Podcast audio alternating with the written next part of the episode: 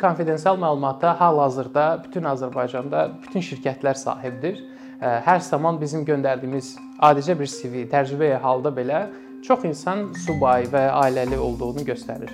Bu da göstərir ki, hal-hazırda korporativ e, mühitdə baxmayaraq ki, qanunvericilik tərəfindən belə tələblər var, məlumatların saxlanılması və digər məsələlərlə bağlı xüsusi bir kompleks yanaşma yoxdur.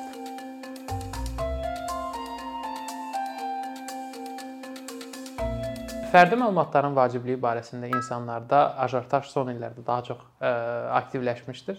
Bunun əsas səbəbi isə e, insanlar başa düşməyə başlamışdılar ki, e, əgər bir məhsul üçün ödəniş etmirlərsə, əslində onlar ödənişi öz şəxsi məlumatları ilə və veb saytlardan, informasiya sistemlərindən istifadə edə verirlər. Bu səbəbdən son illər ərzində nəinki Azərbaycanda, həmçinin Avropada, Amerikada, Latin Amerika ölkələrində datanın qorunması və proses olunması ilə bağlı xüsusi qayda qanunlar yaranmağa başlamışdır. Baxmayaraq ki, bu qaydalar, qanunlar Azərbaycan Respublikasında ilk dəfə 2010-cu ildə fərdi məlumatlar haqqında qanunla e, öz əksini tapsa da, Avropa 2018-ci ildə GDPR, ondan sonra Kaliforniya, Braziliya və digər ölkələr e, fərdi məlumatların qorunması, işlənməsi prinsipləri barəsində yeni qayda qanunlar qəbul etmişdirlər. Fərdi məlumatlar barəsində ilk qanunvericilik isə demək olar ki, Amerikada qəbul olunmuşdur. Bu e, Privacy Act-dir ki, 1981-ci il olmalı idi. Azərbaycanda ilk olaraq Azərbaycan barəsində, Azərbaycan qanunvericiliyi barəsində demək istəyirəm ki, fərdi məlumatlar Azərbaycan qanunvericiliyinə əsasən iki yerə bölünür. Əldə olunma formasına görə açıq və konfidensial. Açıq məlumatlara məsələn sizin şəxs olaraq adınız, soyadınız və ata adınız hər zaman açıq məlumatdır. Beləliklə açıq məlumatların olduğu bu məlumat açıq olduğu üçün onun alınması üçün sizdən heç bir razılıq tələb olunmur. Lakin digər hər hansı bir məlumat fərdi məlumatların qorunmalı olan fərdi məlumatlara daxil edilir. Konfidensial məlumatlara isə informasiya haqqında da göründüyü kimi, haqqında qanunda da göründüyü kimi, konfidensial məlumatlara sizin irqiniz, cinsiniz, cinsi həyatınız, məhkəmə mübahisələriniz, vergi ümumiyyətlə vergi tutma obyektlərinin olan hesabatlarınız və s. gizli düşünülə bilən məlumatlar daxildir. Açıq və konfidensial məlumatın e, paylaşılması və işlənilməsində fərq ondan əsas fərq ondan ibarətdir ki, e, açıq məlumatlar şəxsin razılığı ilə e, digər şəxslərə ötürülə bilər, satıla və ya hansısa bir formada işlənilə bilsə də, konfidensial məlumatlarla bağlı qanunvericilik tələblər daha sərtdir. Belə ki, konfidensial məlumatların alınması halında şəxsin razılığı mütləqdir. Həmin şirkətlər həmin məlumatı alarkən məlumatın hansı hansı səbəbdən istifadə olunması və tələb olunması göstərilməlidir. Bildiyimiz kimi konfidensial məlumata hal-hazırda bütün Azərbaycanda bütün şirkətlər sahibdir. Hər zaman bizim göndərdiyimiz adicə bir CV, təcrübəyə halda belə çox insan subay və ailəli olduğunu göstərir. Bu da göstərir ki, hal-hazırda korporativ mühitdə baxmayaraq ki, qanunvericilik tərəfindən belə tələblər var, məlumatların saxlanılması və digər məsələlərlə bağlı xüsusi bir kompleks yanaşma yoxdur. Belə ki, baxmayaraq ki, Rəqəmsallaşma Nazirliyi, Rəqəmsallaşma və Nəqliyyat Nazirliyi lisenziya, fərdi məlumatların saxlanılması ilə bağlı informasiya sistemlərinə lisenziyalaşdırılmış bir fəaliyyət olaraq baxır və buna görə lisenziya tələb eləyir sizdən. Bunun ümumilikdə işləmə mexanizmi hələ də müəyyən olunmamışdır. Baxmayaraq ki, korporativ mühitdə fərdi məlumatların qorunması və digər şəxslərə ötürülməsi, üçüncü şəxslərə satılması barəsində icra hakimiyyətinin xüsusi qərarı var. Orda belə ümumiyyətlə bu 10 il ərzində yaradılmış və yeniliklər nəzərə alınmamışdır. Azərbaycan Respublikasının qanunvericiliyində göstərilənlərdən əsas məsələ ümumiyyətlə fərdi məlumatların işlənilməsi ilə bağlı əsas məqsəd ondan ibarətdir ki, insanlar öz e, razılıqlarını, öz açıq məlumatları barəsində, fərdi məlumatları barəsində qarşı tərəfə versinlər.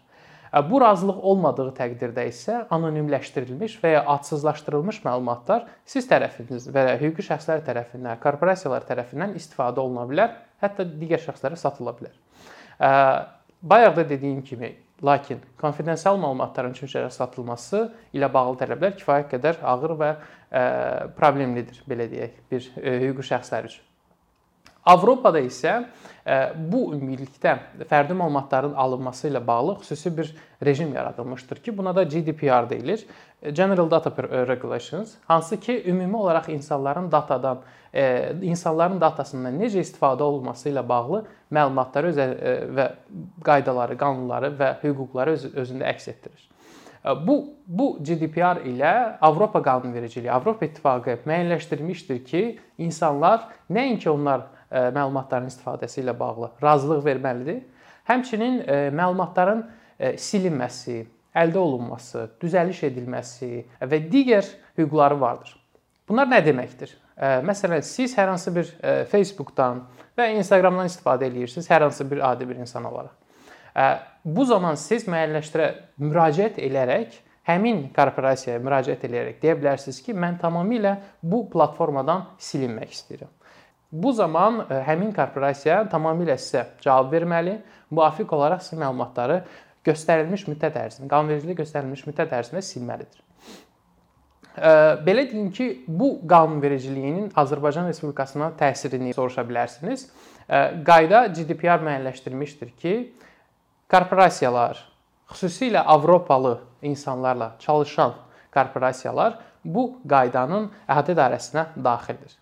Yəni siz Azərbaycanda çalışan bir şirkət əgər Avropaya və ya hər hansı bir Avropalı vətəndaşına, Azərbaycanda çalışan Avropalı vətəndaşına ə, e, xidmət göstərirsəniz, siz beləliklə bu qaydanın əhatə dairəsinə düşürsünüz və beləliklə bu müdafiə prinsiplərini, sistemlərini yaratmalı. Əks təqdirdə isə Avropa İttifaqının müəyyən qrupu tərəf qrupu tərəfindən cərimə oluna bilərsiniz. Hal-hazırda praktikada əsasən Avropa e, bu e, ümumiyyətlə data məsələləri ilə bağlı cərimələrin verilməsi birbaşa olaraq Avropa daxilində olan şirkətlərə nəzərdə tutulsa da, belə düşünür ki, praktika və ümumilikdə qanunvericiliyi, hüquqşünaslar belə düşünür ki, yaxın müddətdən sonra, bir müddətdən sonra e, GDPR-ın, nəinki GDPR-ın, CCPA, Kaliforniyanın ümumiyyətlə data ilə bağlı qanunvericiliyi və Braziliyanın data ilə bağlı qanunvericiliyi daha da əhatə dairəsini genişləndirəcək və insanlarda ən azından kompleks yanaşma olaraq məcbur eləyəcək ki, korporasiyalara məlumatların hansı formada işlənilməsini, razılıqların alınmasını, hətta lazım olduğu təqdirdə silinməsini həyata keçirsin. Bundan əlavə gələcəkdə olacaq bəzi məlumatlar haqqında deyim ki, yaxın müddətdə Avropa İttifaqı xüsusilə AI, artificial intelligence e-regular e-privacy ilə bağlı xüsusi müddəalar qəbul edəcək ki, burada nəinki insanın birbaşa olaraq ona məxsus olan data, həmçinin onun metadatası, yəni sizin metaverse elektron mühitdə olan bütün hərəkətlərinizi əhatə edən metadatanın işlənilməsi, satılması və ümumilikdə onun yığılması ilə bağlı xüsusi bir qayda qanunlar müəyyənləşdiriləcəkdir. Bu GDPR birinci dəfə çıxanda çoxlu dərəcədə hər kəs ümumiyyətlə istəyirdi ki, Avropa İttifaqı geriyə getmişdir. Mən şəxsi olaraq şəxs olaraq fikirləşirəm ki, ümumilikdə qayda qanunvericiliyin yaradılması bir o tərəfdən yaxşıdır ki, korporasiyaların bunun vacibliyinə daha da önəm verir hal-hazırda və bununla bağlı onun daha da ə, işlənilməsi, toplanılması üçün xüsusi safeguarding prinsipləri ortaya qoyur. Bu da həmçinin onların korporativ sosial məsuliyyətini əhatə etdiyindən e, korporasiyalar daha da maraqlıdır xüsusi bir rejimin yaradılmasında. Lakin bildirməliyəm ki, e, ümumiyyətlə data ilə bağlı, necə işlənməsi ilə bağlı, əgər doğrudan da həm bizim qanunvericiliyində, həm də Avropa qanunvericiliyində tələb olunan bütün maddələr olarsa və insanlar qanunvericiliyə əməl edərlərsə, e, bir çox korporasiyalar öz əsas maliyyə mənbələrindən azad olacaqlar. Ən böyük skandal isə datanın üçüncü tərəfə satılmasında isə məncə Facebookun e, ümumiyyətlə Cambridge Analytica, ümumiyyətlə ABŞ prezident seçkilərində insanların sadəcə Facebookda istədikləri, baxdıqları və digər hər hansı bir səhifələrdə olmasını bizim qanunvericiliyinə tam olaraq fərdi məlumat olmasa da, yəni orada qanunvericilikdə standart və klassik fərdi məlumatlara aid olmayan, lakin sizin olduğunuz və girdiyiniz səhifələr barəsində olan məlumatlar əsasında sizə hər hansı bir namizədin videolarını üzə çıxartmışdır. Beləliklə insanlar dolayısi yolla manipulyasiya edilərək bir şəxsə onu daha da yaxşılaşdırır, yaxşı göstərərək onun seçilməsində kömək etmişdir.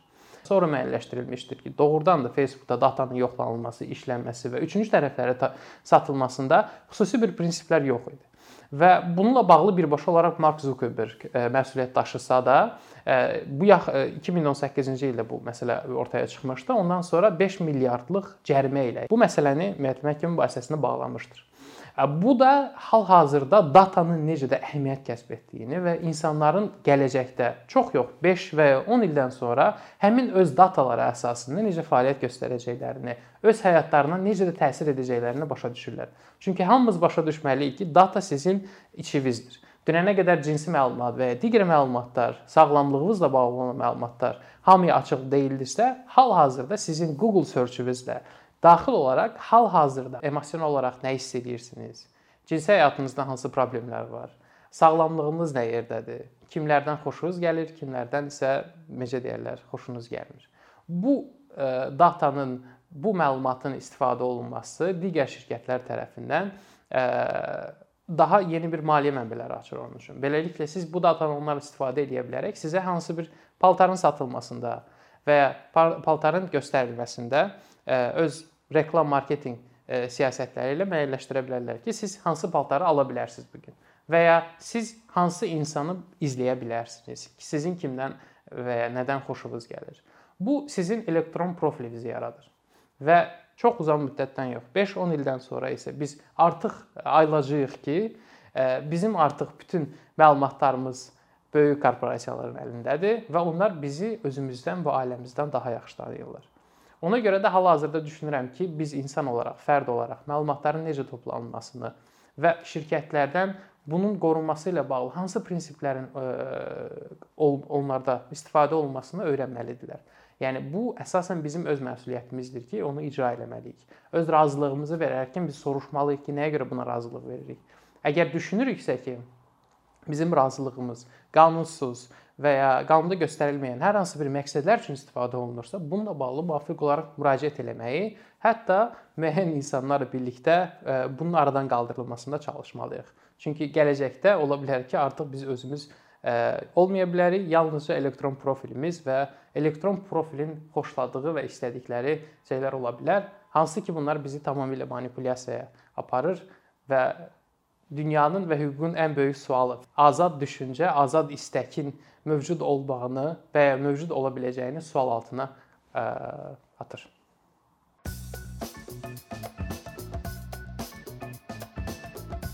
Bir neçə ildir ki, əkinçi olaraq azərbaycanlı izləyicilərin hər zaman faydalana biləcəyi keyfiyyətli və ən əsas ödənişsiz kontent hazırlamağa çalışırıq. İndiyədək təqdim etdiyimiz onlarla animasiya və yüzlərlə çəkilişlər tələbələrin, mütəxəssislərin, müəllimlərin və ümumiyyətlə yeni mövzulardan xəbərdar olmaq istəyən çox sayda insanın marağına səbəb olub. Bu illər ərzində hazırladığımız videolar təhsil, texnologiya, ictimai fəallıq, iqtisadiyyat, gender bərabərliyi, ətraf mühit, ifadə ifadə azadlığı, hüquq, demokratik inkişaf, mədəniyyət və digər mövzuları əhatə edib. Məqsədimiz çoxlu baxış gətirən deyil, çoxlu fayda gətirən videolar hazırlamaqdır. Amma bu düşündüyümüz qədər asan deyilmiş. Gördüyümüz iş kifayət qədər resurs, əmək və təbii ki, davamlılıq tələb edir. Bu səbəbdən Patreon platformasından istifadəyə başladıq. Əkinçinin Patreon hesabının populyarlaşmasına çox böyük ümidlərimiz və gözləntilərimiz var. Bəziləriniz Patreon haqqında ilk dəfə eşidirsiniz. Əslində çox sadə izahı olan bir platformadır. Təsəvvür edin ki, siz rəssam və ya musiqiçisiniz. Sosial şəbəkələrdə sizi izləyən, işinizi bəyənən çox sayda insan var. Patreon platforması sizə imkan verir ki, izləyicilərinizin könüllü aylıq ödənişləri sayəsində işinizi davam etdirəsiniz. Sərgi, konsert zallarından asılı qalmayasınız. Amma bu təkcə rəssam və musiqiçilərə aid deyil. Məsələn, əkinçiyə bənzər fəaliyyətlə məşğul olan bəzi layihələrin 10 minlərlə patronu var. Biz də düşündük ki, nə üçün əkinçinin Patreon hesabı olmasın? Sizin dəstəyiniz sayəsində biz daha çox və daha keyfiyyətli kontent yaratmağa davam edə biləcəyik. Amma bu dəstək yalnız maddi dəstək deyil. Dəstəkçilərimizin sayının artması gördüyümüz işlərin faydalı olduğuna dair əminlik verir. Patreon platformasından istifadə çox sadədir. Hesabınızı açırsınız, sizə uyğun dəstək növünü seçirsiniz və Patreon özü hər ayın ilk günü kartınızdan seçdiyiniz dəstək növünə uyğun ödəniş tutur. Bu qədər. Sonda onu demək istəyirik ki, dəstəkçilərin sırasına qoşulmaq istəyən, amma məhdud imkana görə bunu edə bilməyənlər narahat olmasın. Daha öncə dediyimiz kimi, bizim əsas məqsədimiz daha çox insanın hər zaman faydalana biləcəyi keyfiyyətli və ödənişsiz kontentin yaradılmasıdır. Bunun üçün mütləq patronumuz patronumuz olmalısınız deyə məcburiyyət yoxdur. Amma imkanınız patron olmağa çatırsa və bizim işimizi bəyənirsinizsə, patronlarımızın sırasına qoşulmağınız bizim üçün çox önəmlidir.